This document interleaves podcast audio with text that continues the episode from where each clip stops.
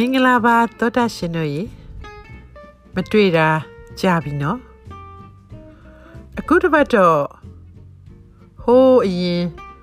မလ2003ခုနှစ်ကလျာမဂ္ဂဇင်းထဲမှာ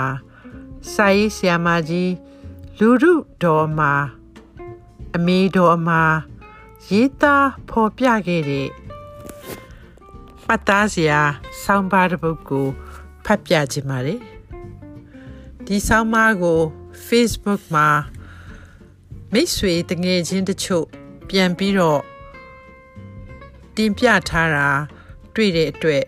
သူတို့အားလုံးကိုဒီကားပဲခွင့်တောင်းပြီးတော့ဖတ်ပြခြင်းပါတယ်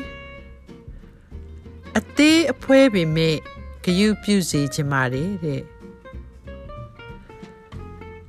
အမေလူရုတော်မာကမြမာရီရဲ့ ယဉ်ကျေးမှုအကြောင်းကိုသူ့ရဲ့ဂယုနာသံပညာသံနဲ့တင်ပြထားတာကဒီလိုပါအင်္ဂလိပ်တွေကထမင်းစားတာဒို့လူမျိုးတွေကလက်နဲ့စားကြသလားဆိုပြီးအထင်သေးစကားပြောခြင်းနေသူတို့ကမှတန်ရှင်းတာဇွန်းနဲ့ခရင်နဲ့စားတာ စားတဲ့နေရာမှာလဲ table manners ဆိုတာတွေရှိတယ်ပေါ့အမေတို့လူကြီးတွေကတို့ကလက်နဲ့တော့စားတာပဲယဉ်ကျေးမှုချင်းမှမတူတာကွာခြားတာပေါ့တဲ့တို့ကထမင်းခုခတ်ပြီးထမင်းဝိုင်းဝင်ကြရင်စပွဲပေါ်ခတ်တင်ထားတဲ့ဟင်းခွက်ကိုကိုခတ်ချင်တယ်လို့ ခတ်လို့မရဘူးထမင်းဝိုင်းထဲကအသက်အကြီးဆုံးလူကိုဥချပြီးမှ ကို့အတွက်ခတ်ရတယ်ဥချတယ်ဆိုတာလက်နှစ်ဖက်နဲ့ရှ िख ိုးလိုက်တာမဟုတ်ဘူးပကံတွေကဟင်းကလေးကိုဥဥဖြားဖြားခတ်ယူပြီးအသက်အကြီးဆုံးလူရဲ့ပကံတွေကိုလေးလေးစားစား ထည့်ပေးလိုက်တာကိုပြောတာပါထမင်းပွဲမှာဟင်းခတ်ရင်ညာလက်နဲ့မခတ်နဲ့ဘယ်လက်နဲ့ခတ်ကိုညာလက်ကဟင်းပေးနေတာတဲ့ပြီးတော့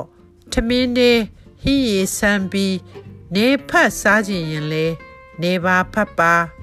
ဒါပေမဲ့လက်ချောင်းတွေမှာဟင်းလူးထားတဲ့ထမင်းလုံးတွေ ကတ်နေရဲ့နဲ့ထမင်းမစားနေတဲ့အဲ့ဒီလက်ကထမင်းလုံးကိုလက်ချောင်းနေနဲ့ဖေရှားပြီးမှစားတဲ့ဟင်းရီတောက်ရင်လဲရှူရှူနဲ့မတောက်ရဘူးဟင်းရီတောက်တာအတန်မမြည်စေနဲ့အတန်မြည်ရင်ရိုင်းနေတဲ့ပြီးတော့ထမင်းစားတဲ့အခါမှာလဲပြက်ပြက်နဲ့ မမြည်စေနဲ့ခွေးစားတာတောက်တာကမှတပြက်ပြက်မြည်တာလူစားတာကအတန်မမြည်အောင်စားအတန်မြည်ရင်ရိုင်းနေတဲ့ထမင်းဖြစ်ဖြစ်ဟင်းဖြစ်ဖြစ်ထဲ့ရင်ကုန်းနိုင်ယုံမဲထက်ထမင်းပကံတွေကထမင်းကများနေတယ်ငါကုံမာမဟုတ်ဘူးလို့ထင်ရင် ထမင်းစလုံးနဲ့ပြန်ကဲ့ထက်စားတဲ့အခါမှာလဲပကံတွေဟင်းကြံထမင်းကြံနေနဲ့အပီးမတတ်နဲ့ကိုပကံနဲ့ရှိတာကုံအောင်စားသွားဒါမှသိမ့်ဆရတဲ့လူက စိတ်ချမ်းသာတယ်ကိုပဲဆေးရကြောရမှာဖြစ်ရင်လဲအကုန်စားထားတဲ့ပကံကိုဆေးရတာကောင်းနေတဲ့ ထမင်းစားပြီးရေတောက်ရင်လဲအတန်မမီစေနဲ့တချို့ကတကွက်ကွက်နဲ့တောက်တက်တယ်တဲ့လူကြီးတွေကဒီလိုစောင့်ပြောနေတာနားထောင်တော့ကိုလေးစားရတောက်ရမှာတတ်တတ်ရရက်စားရတောက်တက်သွားတာပေါ့အဲ့ဓာတွေကတို့မြန်မာတွေရဲ့ table manners တွေပါပဲ အမေတို့ဒီလိုပြောတော့ဇွန်းနဲ့ခရင်သမားမှာအကြီးဆုံးလူကိုဥချတဲ့မဲနံမျိုးတော့ရှိမယ်မထင်ပါဘူးလို့စိတ်ထဲကအောက်မေ့ပြီးအမေတို့ကကို့ယဉ်ကျေးမှုကို လေးစားမိတာပေါ့ကနေ့လူငယ်တွေတော်တော်များများကတော့အမေတို့ငယ်တုန်းကလိုထမင်းဝိုင်းကြီးနဲ့လဲမစားကြရရှာတော့ဘူးထင်ပါရဲ့ထ မင်းညိုင်ကလေးနဲ့ထည့်လာကြပြီးတော့အချင်းချင်းဆုံစားကြတဦးနဲ့တဦးဝေးမျှစားလောက်အောင်လဲအင်းကထဲ့မပေးလိုက်နိုင်တော့ကိုချိုင်ကလေးကိုပဲနှိုက်စားရသူတွေကတော်တော်များနေပြီထင်ပါရဲ့နောက်အမေတို့ငငယ်ကလူကြီးတွေကသွားရင်လာရင်လက်ကိုတိတ်လွှဲတိတ်ရမ်းပြီးမသွားနေတဲ့ ထမင်းကိုတအားဖြန့်ပြီးမဝင်းနဲ့လူကြီးတွေရှိမှခါလီကုန်းပြီးသွားယဟန်တန်ဃာတွေနဲ့တွေ့ရင်လမ်းဖယ်ပေးလို့မှားသည်တင်သေးတယ်အခုခေတ်မှာမိန်းကလေးတချို့ထမိန်ကိုတအားဖြန့်ဝတ်တာလူတိုင်းလိုလိုပဲအမေတို့အဆုံးအမခံခဲ့ရတာနဲ့ချားနာလိုက်တာပြီးတော့စကားပြောတဲ့အခါမှာလဲ လူကြီးကပြောရင်ခေါင်းမငိမ့်နဲ့အင်းမလိုက်နဲ့တဲ့ဟုတ်ကဲ့လို့ပြောရင်တောင်တံပြက်ကြီးမပြောနဲ့ဟုတ်ကဲ့ရှင်လို့ပြောတဲ့တားလုပ်တဲ့လူကသူ့အမေကိုခမားကလည်းဗျာလို့ပြောရင် အမေကိုခမားလုံးကြီးရိုက်မပြောပါနဲ့တယ်လေအဲ့ဒါရိုင်းတဲ့ခုခေတ်လူငယ်လေးတွေက လူကြီးကို